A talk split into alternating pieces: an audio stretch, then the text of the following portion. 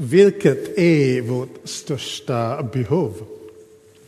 Uh, kanske uh, för någon... uh, den här den nya, den senaste uh, telefonen eller kanske för barnen kan det vara julklapparna de ser fram emot att få snart.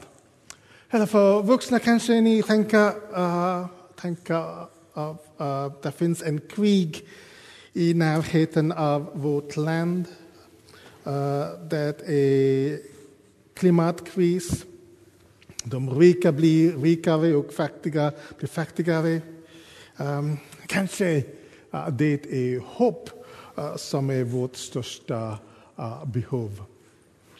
Um, om ni har hört om, uh, hört om en, uh, om en sångare som heter Miss Li. Har du hört om den? Aha. Ni är också cool. Jag tror jag var cool. Ah, uh, men, uh, ah, hon sjunger om en sång som heter Hälsa Gud. Har du hört om det? Yes, och hon sjunger ah, Hej, hälsa Gud, vi, uh, jag, jag behöver framtids, eh, framtidstro. Jag behöver hopp. Det, så, det finns så mycket kris, uh, Gud, i världen. Jag behöver uh, hopp. Och kanske den här är saker som ni också uh, tänker. Men under det första århundradet eh, var det också mycket som inte eh, funkade. I dagens texten började Lukas med lite historia.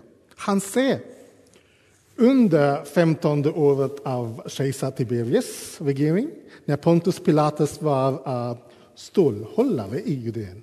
Herodes tetrark i Galileen, hans bror Filippos i någonstans och Chakonitos i annanstans. Eh, eh, och, eh, och Hannas och Kefas var över översta präster. Lydia, du gjorde en bra jobb med de namnen. Men så Lukas, han börjar med historia. Han säger, nu lyssna, den här är på riktigt. Han inte börjar med uh, once upon a time in certain, certain place. Nej, han började säga, här, den Caesar var på väg in. Och folket under det första århundradet, de också saknade, eh, de också saknade hopp. Deras land var under Caesar. De var under en utländsk makt.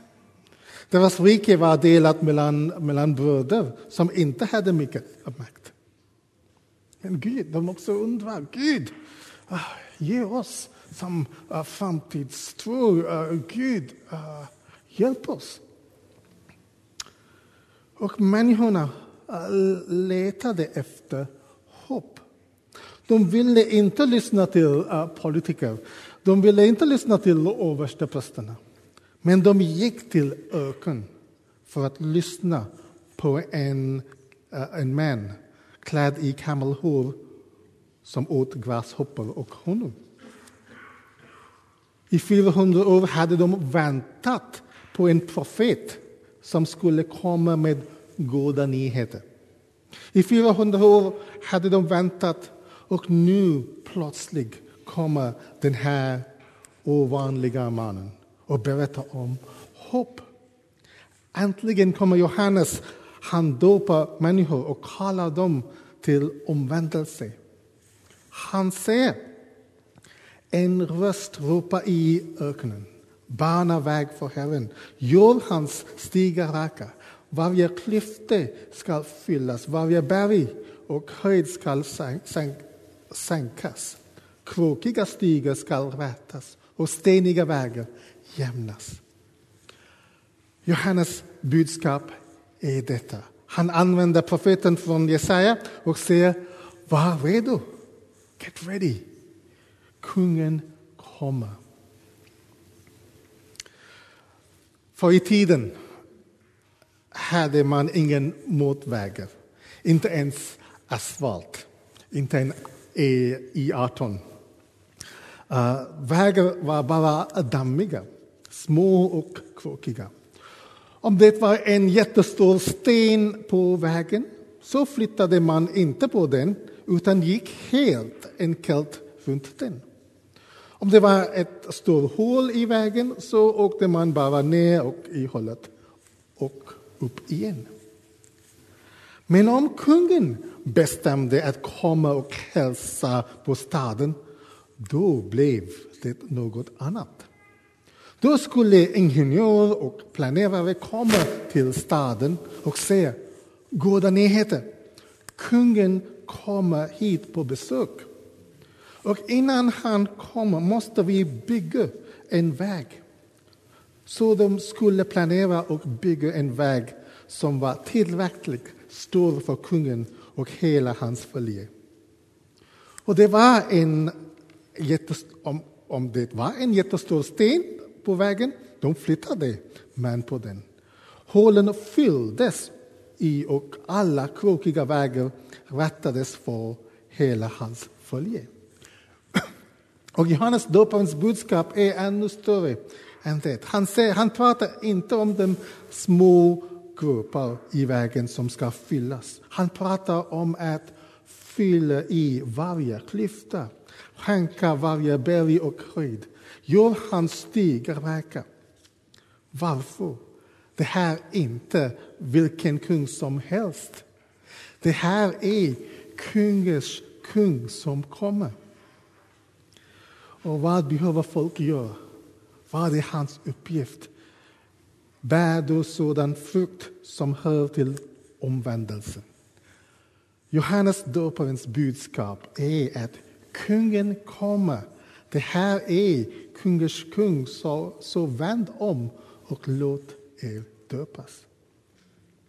På Johannes döpens tid var det bara hediga som döptes. De, de döptes som en symbol att de började ett nytt liv. De levde ett liv långt från Gud. De levde ett liv i synd. Och nu var dopet ett tecken på renandet i samband med att börja ett nytt liv. Men när Johannes döparen kom var han annorlunda. Han sa att alla ska döpas. Är du jude? Låt dig döpas. Är du hedning? Låt dig döpas. Varför? Därför att alla har brutit relationen med Gud. Kungen kommer. Och poängen är att ingen har levt ett liv utan synd. Så vänd om. Bär då sådan frukt som hör till omvändelse. Johannes budskap är, om du tycker om det eller inte, det finns en Gud och vi har inte levt det liv som Gud har kallat oss att leva. Vi har levt ett liv och ignorerat kungen. När vi lever som om vi vet allt och att vi har kontroll över allt, då, då är det inte så konstigt att relationen med Gud inte fungerar. Martin Luther skriver i sin bok om de tio, tio uh, budorden att det första budet är det här. Du ska inte ha andra gudar vid sidan av mig. Som betyder, eftersom jag och bara jag är Gud ska du ha all ditt mod, tillit och tro i mig och bara mig och ingen annan. Han säger, since alone I alone am God, you shall place all your confidence, trust and faith on me alone and no one else, ingen annan. Men sanningen är att vi inte litar på kungen. För vi har gjort oss själva till kungen. Kanske inte så konstigt när livet är rörigt.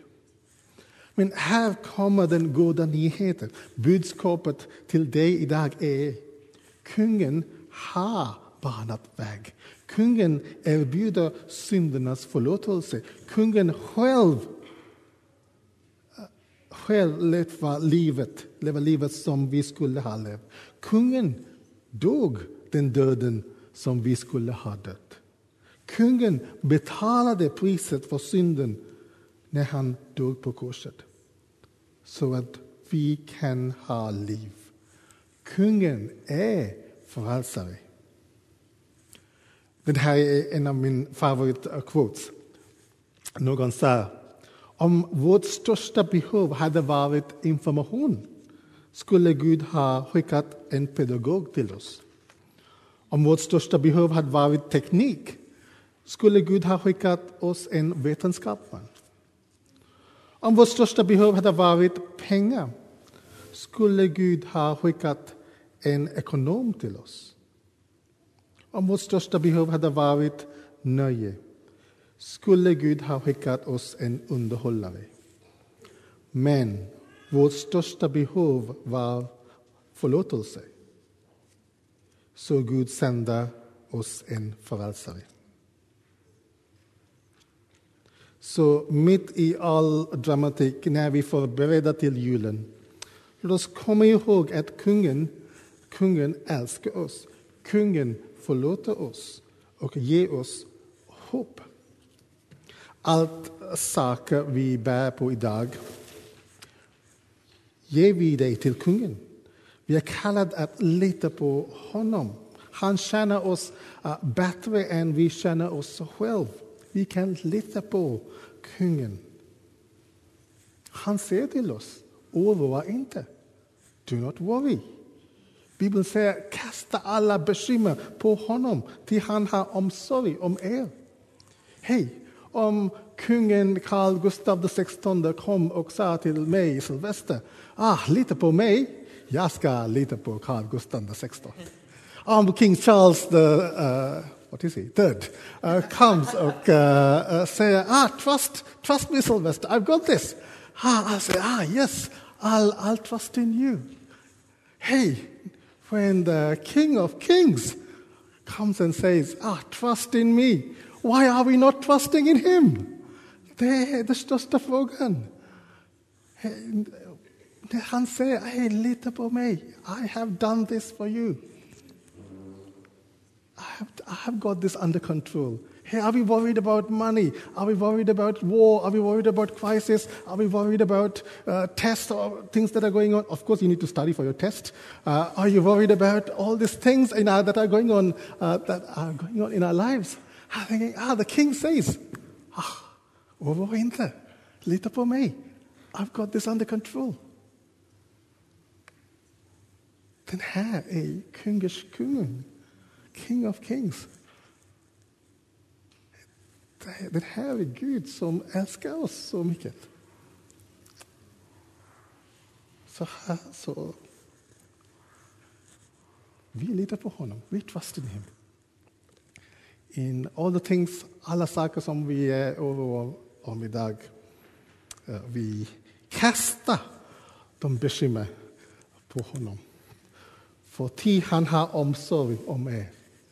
Jag vet inte om King Gustav XVI har omsorg om mig eller King Charles XVI, King Charles III har omsorg om Hey man, this, this king, he cares for me. He cares for you. Amen.